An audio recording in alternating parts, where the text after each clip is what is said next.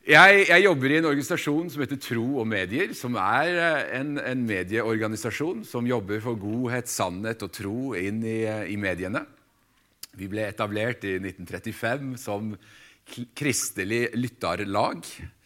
For uh, da var det ikke så mye å se, men det var lytting som var, var, greia da. For da kom radioen til Norge, og da var det noen kristne som slo seg sammen og prata sammen og sa og tenkte og etablerte da Kristelig Lytterlag, fordi at eh, de skjønte jo og de, Dette var jo mennesker som var forut for sin tid.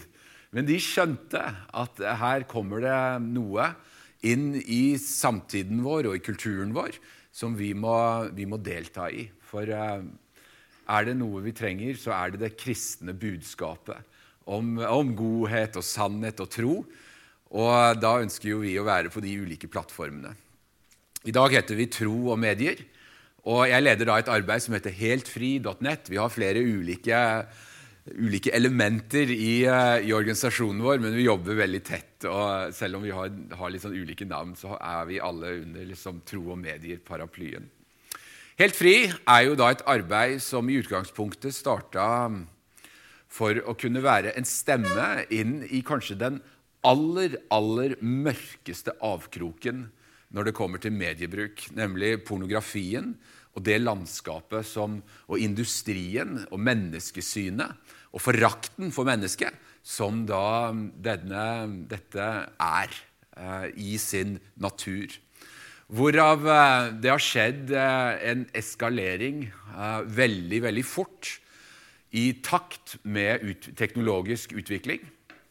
Hvordan Internett ble ble etablert, og hvordan da denne industrien har gått ifra magasiner som eh, de av dere som er på min alder, og som lefla borti dette i sin ungdomstid, inneholdt da Og dette er jo helt fremmed for da denne generasjonen som sitter her oppe. Men det var da magasiner som var sladdet, for da hadde vi en eh, Og vi har fortsatt en pornolovgivning. Men eh, det var sladdet, hvor det var store, tjukke, svarte brikker, streker, over erigerte peniser og kjønnsorganer i bevegelse var jo da eh, forbudt ved lov å vise. Men eh, ved internettet sin eksplosjon og hvordan eh, internettet har utvikla seg, og som fortsatt utvikler seg, hvor vi da ser teknologien kommer inn på dette sårbare, i utgangspunktet nydelige området i mennesket, som handler om seksualitet, som handler om en lengsel etter nærhet og intimitet, som handler om å elske hverandre på den mest sårbare måten, er blitt eh, virkelig, virkelig utsatt for mye løgn, hat og en total forvrenging av hva da sannheten er når det kommer til dette området av livet. Så vi etablerte Helt Fri og jobber jo da mm, i dette landskapet. Men så mm, har det endra seg. Og, og, vi er jo i endring stadig. Og um, i dag så jobber vi med pornografi som tematikk, hvor vi har hele undervisninger knytta til dette. Og dette henger jo sammen med sex på avveie. Uh, for dette er jo en seksualitet som blir løfta ut av mennesket. Ut av følelsesmennesket, ut av nærhet og intimitet og forpliktelse. Og så blir det da putta ned i en, en grøft bruker jeg ofte som bilde. Eh, seksualiteten. Og så blir det putta et lokk over av skam, av skyld og av anonymitet og selvforakt. For det er, der, det er jo der, dette ender, i selvforakt. Jeg er udugelig. Jeg, jeg kan kun mettes seksuelt ved noe som er da digitalt og ikke virkelig. Hvorav da ekte seksuelle relasjoner lider jo selvfølgelig under dette. Og så jobber jo vi ut ifra kristen tro, hvor vi tar seksualiteten og setter den inn i rammen der den hører hjemme. Der den er ment å være, i forpliktelse, i tilknytning, i en ramme av en kvinne og en mann i et ekteskap. Og Det er jo noe jeg løfter fram i, i alt jeg gjør. For det er det jeg tror, og det er det Guds ord lærer om hva som er godt og sant og rett for mennesket. Og jo mer jeg jobber med dette, jo mer historier jeg hører, jo mer mennesker jeg treffer, jo frimodigere blir jeg på akkurat det elementet. Fordi når vi er utforbi hva Gud har skapt oss til, og hva Gud har ment oss til, ja, så medfører det smerte. Det medfører smerte. Og Det ser vi langt inn i underholdningsindustrien, i reality-TV. For det blir jo mye TV av denne smerten. Og um, det er klart, når mennesket da søker og leter etter nærhet og etter intimitet i uh, seksualiteten sin, og putter den utforbi hva vi da er ment for, så blir jo dette en seksualitet på avveie. Det er jo det som blir resultatet. Og um, hvis vi eh, går inn i bare den, den vanlige sekulære tenkningen, hvor, uh, hvor, seksualiteten blir lært sånn som den blir lært i dag i samfunnet vårt, hvor uh, har du lyst, så har du lov, og gjensidig samtykke er jo da den, den normen som skal erstatte det som tidligere da var ekteskap, som har vært det vanlige synet på seksualiteten.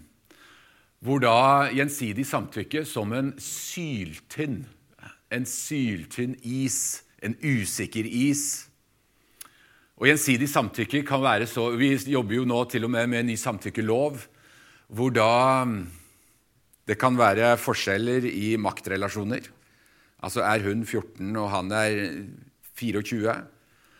Um, er det rus inne i bildet? Ja, men du sa jo da. Du sa jo ja. Du var jo enig. Altså Det er så mange ulike konstellasjoner hvor dette med gjensidig samtykke egentlig bare faller gjennom. Og det er, det er, spennende å reise opp de spørsmålene i møte med unge mennesker. Eh, når vi virkelig begynner å, å, pirke litt og hakke litt på den normen som på alle måter blir innført til da de som vokser opp i dag. Har du lyst, så har du lov, bare de andre er enig. I flertall snakker vi om da. For det er jo det som veldig mye av er pakken rundt her. Når seksualitet kommer på avveie, så er den bakken veldig bratt. Og det går veldig fort, det toget, når vi snakker om hva mennesket faktisk kan være i stand til å begjære. Og det er klart, Teknologien her spiller jo en stor rolle på um, hvordan den seksualiteten som vi da skal litt inn i. Og Dette er en litt sånn krevende time, men vi skal, vi skal lage en trygg, eh, trygg, landingsplass for det. Så bare hold dere litt fast. Men uh, denne teknologien da, som vi, uh, som vi, må forholde oss til i dag, hvor, uh, hvor høy hastighet, um, hvor muligheter for å være anonym, hvor muligheter for å gå inn på plasser, mørkeplasser, altså deep dark web, hvor, uh, hvor type IP-adresser går masse kronglete omveier uh, for å skape en enda større anonymitet og type trygghet for å gjøre det da som foreløpig er i konflikt med lovverket vårt. For vi har et lovverk, heldigvis, som gir noen rammer. Men uh, det er ikke så reint sjelden Det er ikke så rent sjelden vi gjerne ser uh, beslag på grensene våre, tollbeslag av uh, dukker eh, sexdukker framstilt som barn. Um, og når du går inn i type robotteknologi, kunstig intelligens, så er det ganske skremmende å se hvor menneskelignende da disse dukkene og robotene da er. Og det er klart, Teknologien den går veldig fort. Mye av dette blir jo da utvikla i, um, i tech-miljøer Eh, stort sett rundt eh, i delstaten California, som har store selskaper. Eh, store selskaper med svære aktører i bakgrunnen, som da utvikler denne teknologien som blir eksportert rundt omkring i det ganske land. Og Du har land som f.eks. tech-land som Japan, som nå har enorme utfordringer. Altså De har kolossale utfordringer med at mennesker ikke har fysisk kontakt. De har lite mellommenneskelige relasjoner. Og det å etablere et forhold er i dag en stor utfordring i det landet. Og Det de da forsker på, og det de da kommer fram til gang etter gang og Det ligger jo flere dokumentarer eh, vedrørende akkurat dette. er at eh, Da går jo selvfølgelig befolkningstallet ned. Vi formerer oss ikke, vi forplanter oss ikke videre fordi at seksuelle relasjoner det eksisterer ikke fordi at teknologien kommer inn og gir denne her tilfredsstillelsen. Så det er, det er, ganske mange ting å plukke tak i her, og jeg hiver ut liksom ulike, ulike, baller i luften her, bare så vi skal skjønne egentlig litt alvoret i den overskriften som, eh, som Jørgen har vært med å hamre ut her, sex på avveie, skal, hvor ille dette faktisk egentlig er. Og så er det meg og deg, da. Helt vanlige mennesker. Sår og hvor kvalitet. Og hvor kvalitet. Og hvordan skal vi håndtere det? Hvordan skal vi forholde oss til denne verden? Hvordan skal vi prate til, til 20-21-åringer som sitter her oppe, og kunne videreformidle noe av verdi som faktisk henter fram den iboende lengselen etter noe som er virkelig, noe som er ekte. Ja, da må vi snakke sant. Da må vi snakke sant. Og det er fascinerende å, å være i bibelskoler, i folkehøyskoler, i videregående skoler. Det er kanskje den mest fascinerende plassen å være, for der er det så stor bevegelse. Altså Der er det så stor bevegelse i hva en tenker, og den formbarheten er veldig veldig stor. Det er klart Den gjengen som sitter her oppe, de begynner å bli ganske satte i hva de tenker og tror. Men så er det jo selvfølgelig påvirkning og bevegelse. Altså Denne her frontallappen er jo ikke ferdig ennå. Den som tenker langsiktig. Og så går vi inn i hele denne her hjerne, hjernemassen vår med nevroplastikk og alle disse her kompliserte måtene å tolke ting på. er jo ganske interessant når eh, disse tankemønstrene våre og, vår evne til å tenke lange baner ja, kanskje ikke lander skikkelig for oss før vi er opp mot midten av 20-åra. Dette dette er jo liksom kunnskap som vi har hatt lenge, men allikevel så bare ruller vi ut denne her eh, fiberen eh, i høy hastighet. Og det er klart, Jeg, eh, jeg har jo et, et, tema som, som da er, er sex på avveie.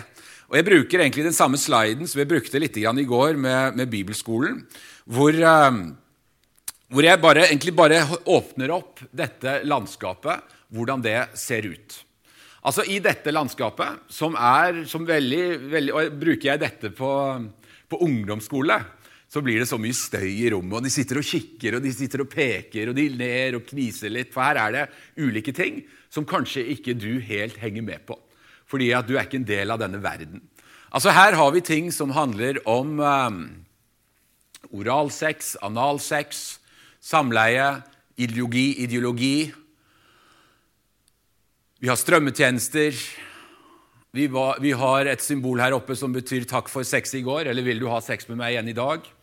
Og det er klart Dere ser helt litt sånn Dere har ikke blunka ennå, ser jeg. Eh, men det er den verden som, eh, som, er ekstrem. Og det er klart, dette skjønner jo en åttendeklassing med en gang.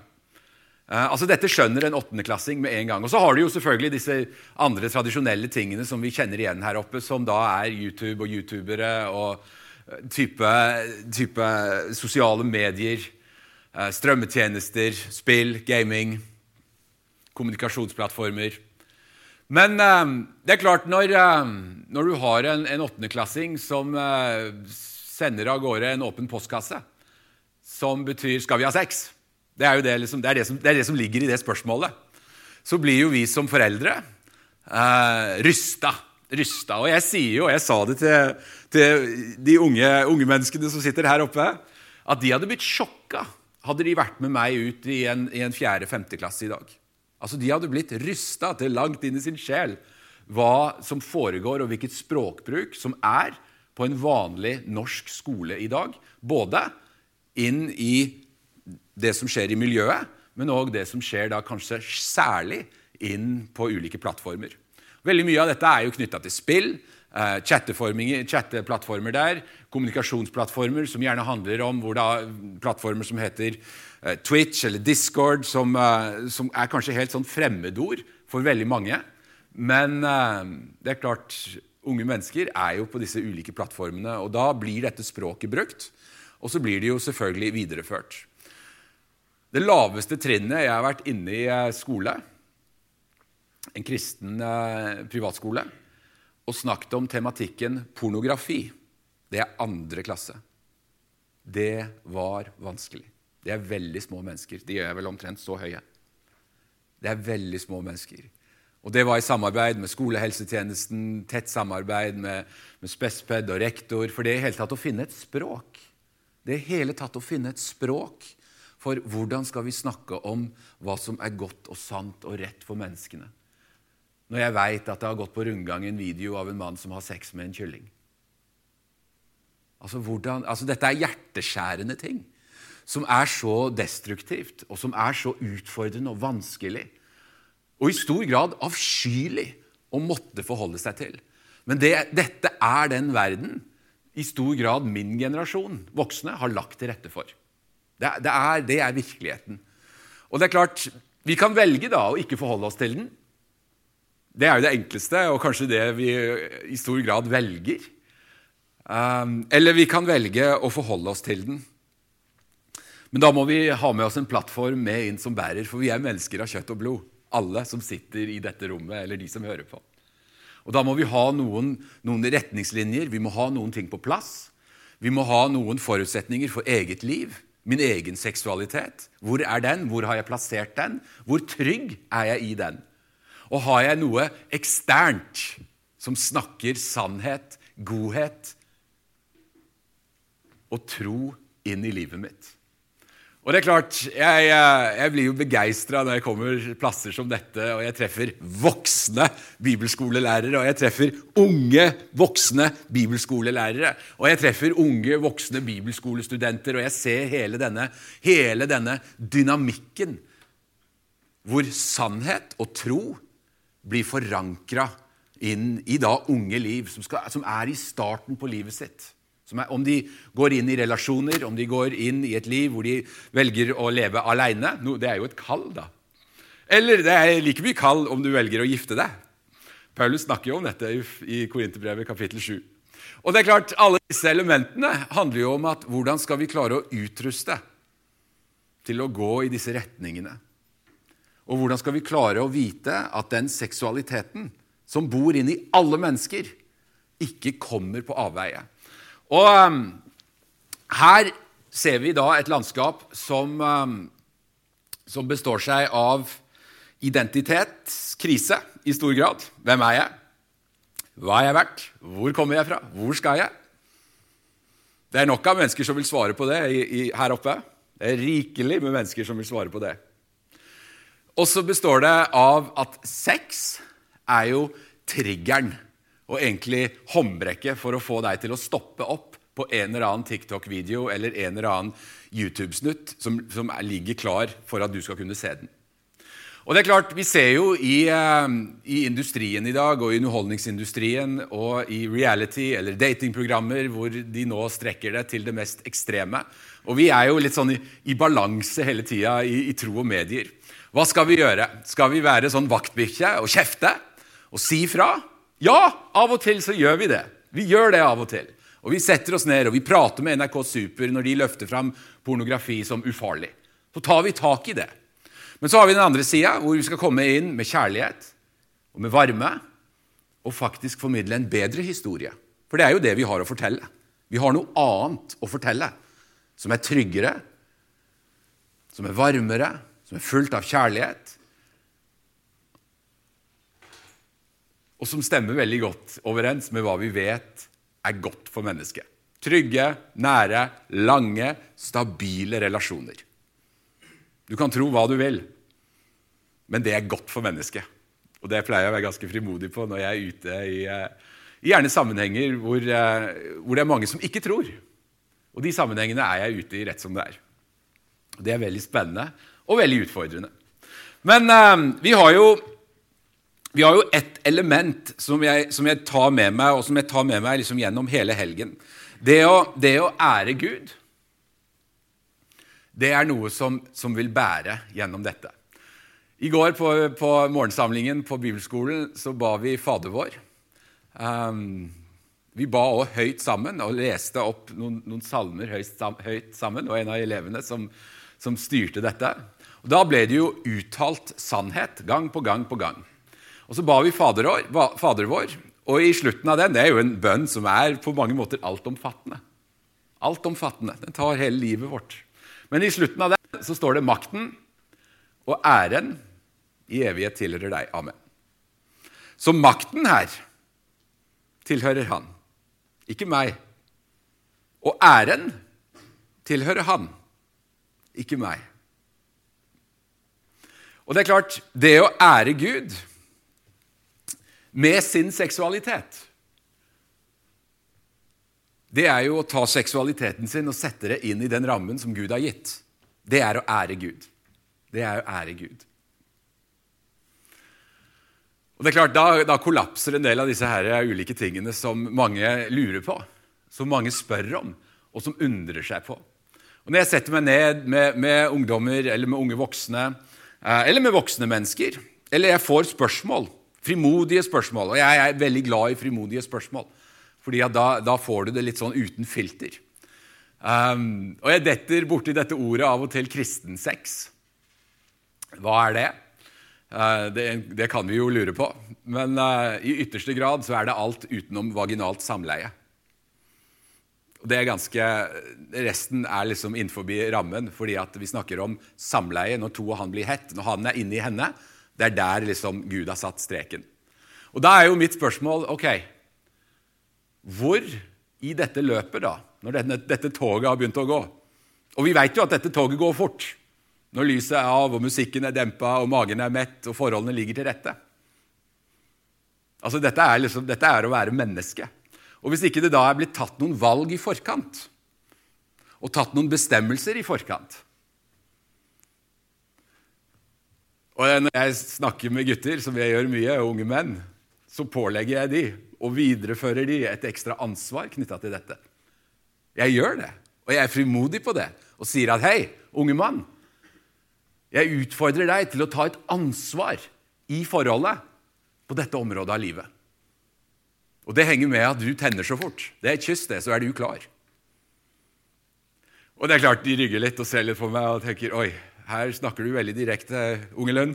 Ja, men det er jo det vi må gjøre i disse settingene. Men eh, hvor slutter vi å ære Gud? Hvor slutter vi å ære Gud? seksuelle fantasier, seksuelt begjær. Hele denne pakken her. Når vi har disse fantasiene, når disse, dette begjæret kommer og ting begynner å koke, hvilke valg foretar en seg da? Skal jeg ære Gud? Da må vi begynne å tenke på Gud og skifte gir og finne annen, en annen måte å tilnærme seg dette på. En må gjerne sette noen rammer i forkant for at ikke da seksualiteten skal komme på avveie. Skal komme på avveie. For det er klart, når det toget går, så er det nesten ustoppelig. Og jeg har hatt mange samtaler med unge mennesker. Uh, unge, flotte, kristne mennesker som står i ulike settinger rundt omkring i livet sitt og forteller meg om nederlag og fall og skam.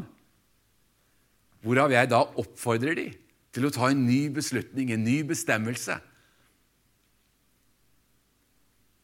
En ny ære Gud-tanke inn i livet sitt. Og ut ifra hva jeg kan hente ut ifra Bibelen, Guds ord, så vil han velsigne det. Han vil ta imot den æren. Da er vi plutselig inne i Johannes 4, kvinnen ved brønnen som uh, var så tørst hun ble aldri mett. Det var mann etter mann etter mann, og det var nok horrible omstendigheter rundt livet hennes. Gå og hent mannen din. Ja, men jeg har ingen mann. Du snakker rett, kvinne. Du har hatt fem menn, og mannen du lever med i dag, er heller ikke din mann. Han satte henne i frihet. Å ære Gud er jo definitivt en av eh, nøklene her. Og så er det jo selvfølgelig hvordan skal vi sånn konkret og praktisk gjøre dette? Og ehm, det forsvinner jo ikke, disse følelsene. De er der. Triggerne vil være der. Og ehm, på lik linje Og dette er jo utrolig interessant hvordan liksom livet utvikler seg. Jeg er 48 år. Og jeg har hatt de samme spørsmålene, akkurat de samme spørsmålene som 22-åringen som kommer opp til meg som sliter med en avhengighet til et eller annet, eller pornografi er jo det ofte i det landskapet der, som spør meg går dette vekk.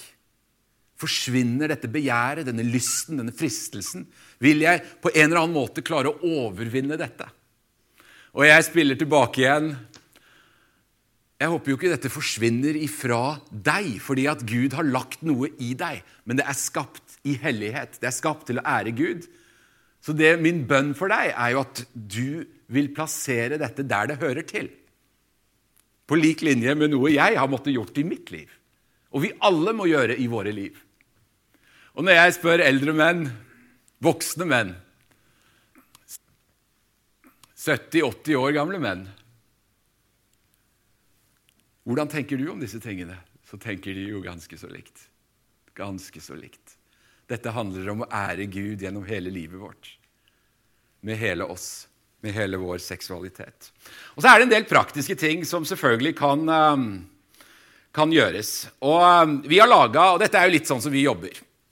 Jeg er uh, i utgangspunktet en praktisk mann og, og jobber med hendene mine. Og så da bestemte vi ok, da filmer vi dette kurset inne i garasjen hjemme hos meg. Og Vi rigga oss med lyd, og vi rydda litt i verktøyet og, og hengte opp noen skumgummimadrasser for at dette skulle bli ok. Det blei ok. Ikke mer enn ok. Det blei ok. Men uh, så lager vi et nettkurs som, på, som heter Helt fri. da, Som er helt konkret og praktisk på hvordan ta tak i livet sitt. Hvordan ta tak i pornografien. Det, det er jo dette som er temaet i dette kurset. Og dette er jo litt sånn som vi jobber i, uh, i tro og medier. Og um, det er klart Jeg, uh, jeg er jo igjen litt sånn praktisk. Og har jeg lyd på denne her mikrofonen, nå? Så skal vi prøve en liten greie her.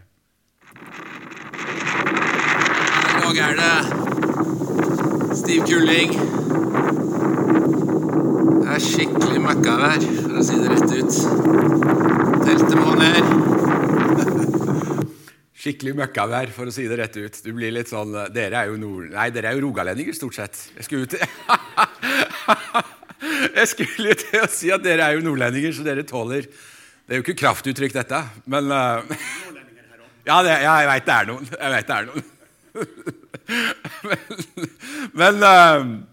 jeg var på tur her i, i, mars og tok meg en liten pause i livet. Og, og var på en lang tur. For det er det jeg liker. Og det er ikke sånn at jeg tenker at det er løsningen på alle ting her i livet, men uh, vi er ulike der. Men hør her. Jeg er trygg, mett og varm. Det er, jo, uh, det er jo noe av elementene som jeg brukte i undervisningen i går. Det å være trygg og vite hvem du er. Og Eksempelet som jeg bruker fra turlivet, da, som er liksom nært til meg, da, det å være trygg på at du faktisk er i stand til å sette opp et telt i møkkavær. Altså, Det må du øve på. Og du må ha votter på når du øver. Helst store, svære Tova-votter. For det er grisekaldt når det blåser. Dette veit jo dere alt om. Men uh, dere har jo vinter ennå. Jeg skal pløye plenen min jeg på mandag. Jeg gleder meg. Men uh, de ler hånlig her nede. Men hør her. Det å, det å ha inne den kunnskapen som gjør at du mestrer da i dette eksempelet, det elementet, det må du være trygg på. Du må være trygg på det. Men eh, hvis vi switcher på det, da Sex på avveie. Vær så god, Knut, tolv år. Her har du en iPad. Ja, jeg veit det koker inni deg, og du er veldig nysgjerrig. Og du er jo en ung gutt der du sitter, skapt til å utforske. Gud har lagt det ned i, deg, ned i deg. Du er veldig nysgjerrig. Du lurer på hvordan ting ser ut. Og da begynner jo Knut, tolv år, å snøke, søke. På akkurat lik linje som, uh, som, Kari, som gjerne har søkt lenge på dette, for hun ligger jo et par år foran Knut på det aller meste. Vi henger et stykke bak, jenter. Sånn er det bare. Jeg ser det når jeg er ute og har konfirmanter. Men uh, det er klart, allerede der så legger vi til rette for utrygghet og en seksualitet som kommer på avveie. For da er jo historien, som da pornografien ofte forteller, at menn har et umettelig behov for sex,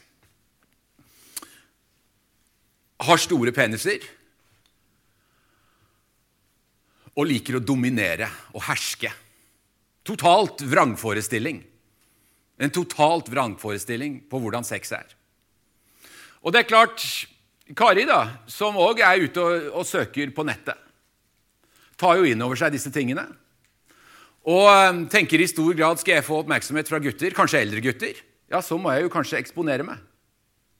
Da må jeg kanskje være litt sånn ja, dristig. Og det er klart, Når jeg er inne og går gjennom ulike plattformer på, på nettet, om det er enten på Snapchat eller om det er på TikTok eller hvor det er, og jeg ser elleve år gamle jenter kledd opp som Nikki Minaj i hyperseksualiserte danser og tekster, så snakker vi om en seksualitet som allerede da er på kraftig avveie. Og, um, og, vi har jo noen, noen enorme utfordringer da, knytta til hvordan skal vi klare å, å, lande disse tingene. Og da må du være trygg. Du må være trygg på hvem du er. Og det er jo noe med å um, gjøre de grepene i livet som gjør at du blir trygg på din egen seksualitet. Du blir trygg på hvorfor du tror det du tror. Du blir trygg på at rammen for seksualitet ja, det er innenfor et ekteskap, en hellig pakt, en gudgitt pakt mellom en kvinne og en mann. Jo mer du prater om det, jo mer du fyller deg med det, jo mer du graver i det, jo mer du spør og vandrer med mennesker som har levd i lange, av og til gode, av og til vanskelige relasjoner. Fordi at disse relasjonene våre går jo opp og ned. Vi er jo følelsesmennesker alle. Og det er jo virkelig ille hvis vi skal alltid følge følelsene våre. Det ser vi jo konsekvensene av i dag. Det er jo en katastrofe. Total forvirring. Du vet nesten ikke hva du skal si når du er ute i det offentlige rom om disse tingene, hvis ikke du er trygg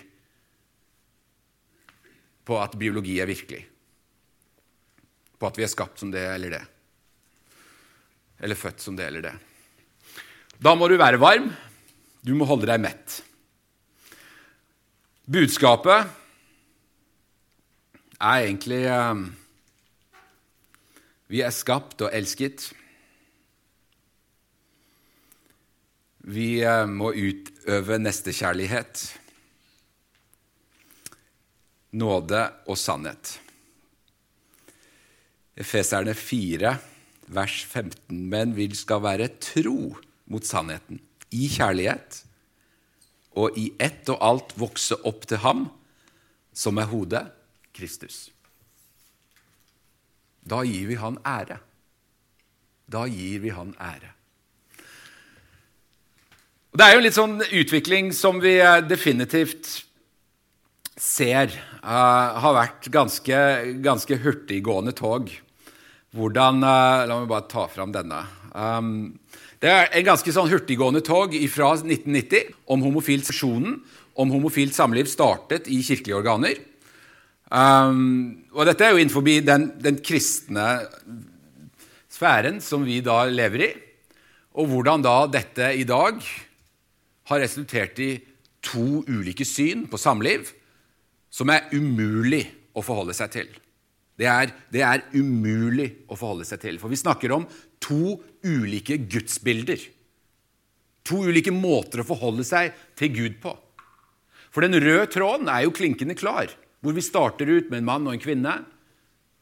Og en rød tråd gjennom hele Bibelen, og vi skal stoppe midt i den røde tråden på gudstjenesten i morgen, i Salomos høysang, og hvorav vi eh, ender opp med en brud og en brudgom. Altså det, det er gjennomgående gjennom hele bibelfortellingen. Alle 66 bøker vil vitne og snakke sant om dette. Og Det er klart, det å snakke da om, om seksualitet er jo egentlig ganske utfordrende når vi har et så ulikt perspektiv og ulik inngang. For eh, Jeg har prata litt nå om seksualitet på avveie, gitt noen eksempler. Men eh, hvis da forståelsen og rammen og hele konteksten og selve grunnmuren når vi snakker om seksualitet, er ulik oppfatning Ikke mellom oss kristne,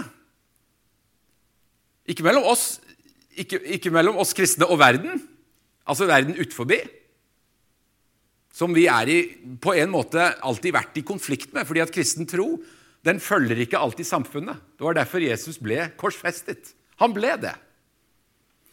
Og ja, Det var ikke årsaken til han ble korsfestet. Det kunne misforstås. Jeg hørte det. Men jeg er jo på en bibelskole, tross alt. så her... Men Vi har jo interne stridigheter om dette, som er så utfordrende, og som ikke, ikke går sammen i det hele tatt. Fordi at det blir et annet bilde av Gud. Hele forståelsen av skaperverket. Hele forståelsen av samlivet, hele forståelsen av seksualiteten og tryggheten og nærheten blir annerledes. Og noe av årsaken som jeg pirker borti av og til ute i debatter eller samtaler om dette, er jo at ok, hva er på første rekke her? Er det den menneskelige seksualiteten, eller er det troen?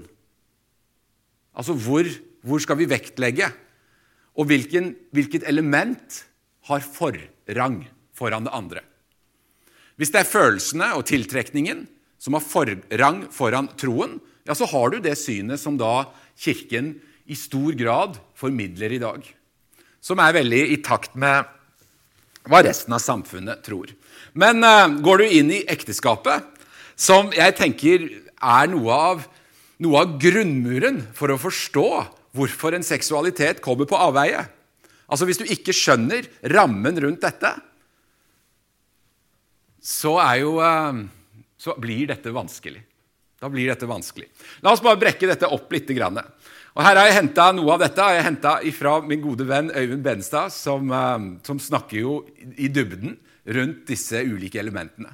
Og det er klart, Denne, denne sliden her, som ser sånn ut, hvor vi tenker altså Derfor skal mannen, en voksen, en selvstendig person Derfor skal mannen, altså en voksen og selvstendig person Og Det er viktig å ha med seg inn i denne forståelsen av hva ektepakten er. Vi snakker om en voksen, selvstendig person som tar sine valg og sine avgjørelser. I disse prosessene hvor du begynner å få voksne barn, som jeg får Jeg har to gifte barn. Så er det jo helt klart at den ballen må vi av og til slippe. Det barnet må vi av og til slippe. Og når de tar disse bestemmelsene, at de vil gifte seg, da er de voksne, selvstendige personer. Og det å gi rom, men å være tydelig på at dette er ditt valg. Dette er ditt valg. Dette er ditt ønske. Å hjelpe og løfte og veilede til å tenke igjennom og reflektere konsekvensene av dette store livsvalget det er. Men eh, det er et ønske da ifra Gud, som da bekrefter jo identiteten vår som frie mennesker. Han gjør det. Han har gitt oss disse valgmulighetene. Skal forlate en oppbrudd, en ny livsfase, en ny lojalitet. Altså, du går ifra det ene til det andre. Vi er, vi er nede i selve, selve, fundamentet av en forståelse av hvor seksualiteten da hører hjemme. Han skal forlate sin naturlige familie, sin far og sin mor. Og det er klart at Guds ord har, har skrevet dette så tydelig for den naturlige familien, det er en far og en mor.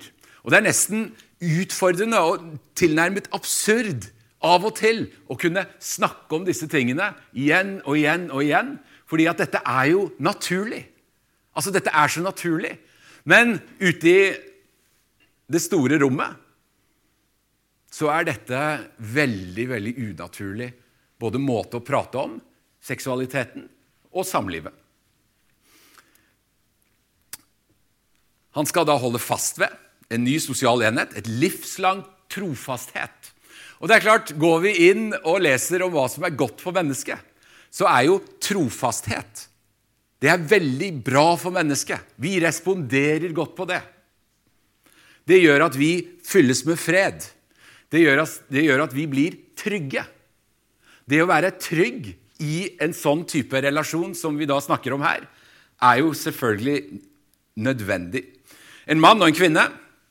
Han skal holde fast ved sin kvinne. Og det er klart at Gud har skapt oss sånn som han har skapt oss.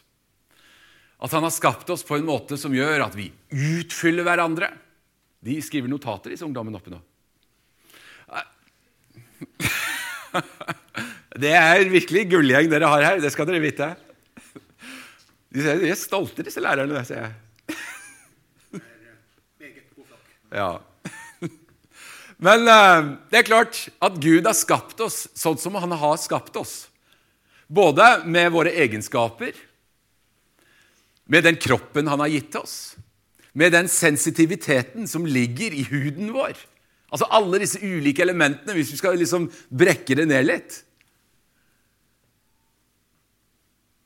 Så er dette to mennesker som utfyller hverandre på en god og en verdig måte.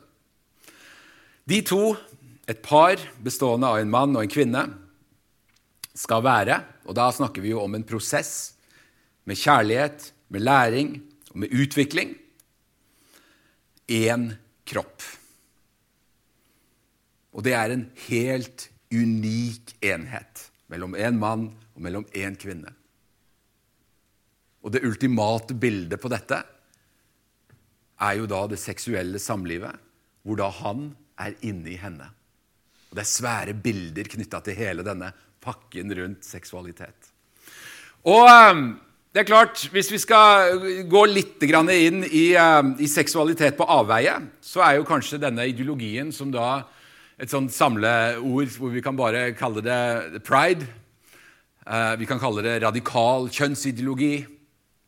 Eller vi kan kalle det kalle det det egentlig eh, unge lærer i dag i det offentlige skolen. For det er jo veldig mye dette som blir presentert gjennom ulike programmer.